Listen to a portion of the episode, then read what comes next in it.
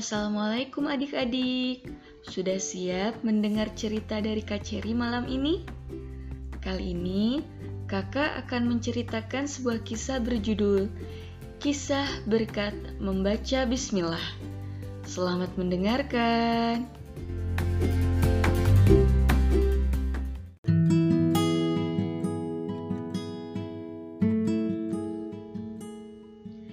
Kisah berkat di balik membaca bismillah. Alkisah, ada seorang perempuan yang taat beragama. Tetapi suaminya seorang yang tidak mau mengerjakan kewajiban agama dan tidak mau berbuat kebaikan.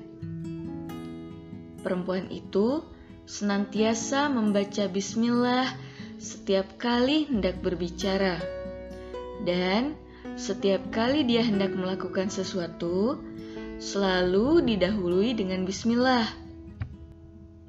Suaminya tidak suka dengan sikap istrinya dan selalu mengolok-ngolok istrinya. Suaminya berkata sambil mengejek, "Dikit-dikit bismillah, sebentar-sebentar bismillah." Namun, istrinya tidak pernah mengeluh apa pun. Sebaliknya, dia berdoa kepada Allah supaya memberikan hidayah kepada suaminya. Suatu hari, suaminya berkata, "Suatu hari nanti akan aku buat kamu kecewa dengan bacaan-bacaanmu itu." Untuk membuat sesuatu yang mengejutkan istrinya, dia memberikan uang yang banyak sekali kepada istrinya, sambil berkata, "Simpan uang itu." Istrinya pun mengambil uang itu dan menyimpannya di tempat yang aman. Namun, di belakangnya, suaminya telah melihat tempat di mana istrinya menyimpan uang tersebut. Kemudian, dengan sembunyi-sembunyi, suaminya itu mengambil uang tersebut dan membuang uang itu ke sumur di belakang rumahnya.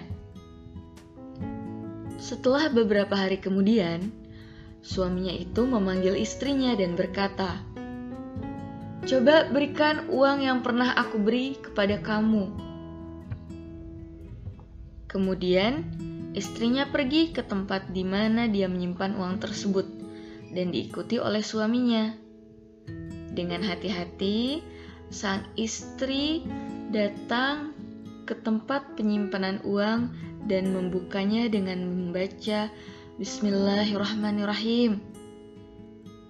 Ketika itu, Allah Subhanahu wa Ta'ala mengutus malaikat Jibril untuk mengembalikan uang tersebut, dan sang istri dapat menyerahkan uang tersebut kepada suaminya kembali.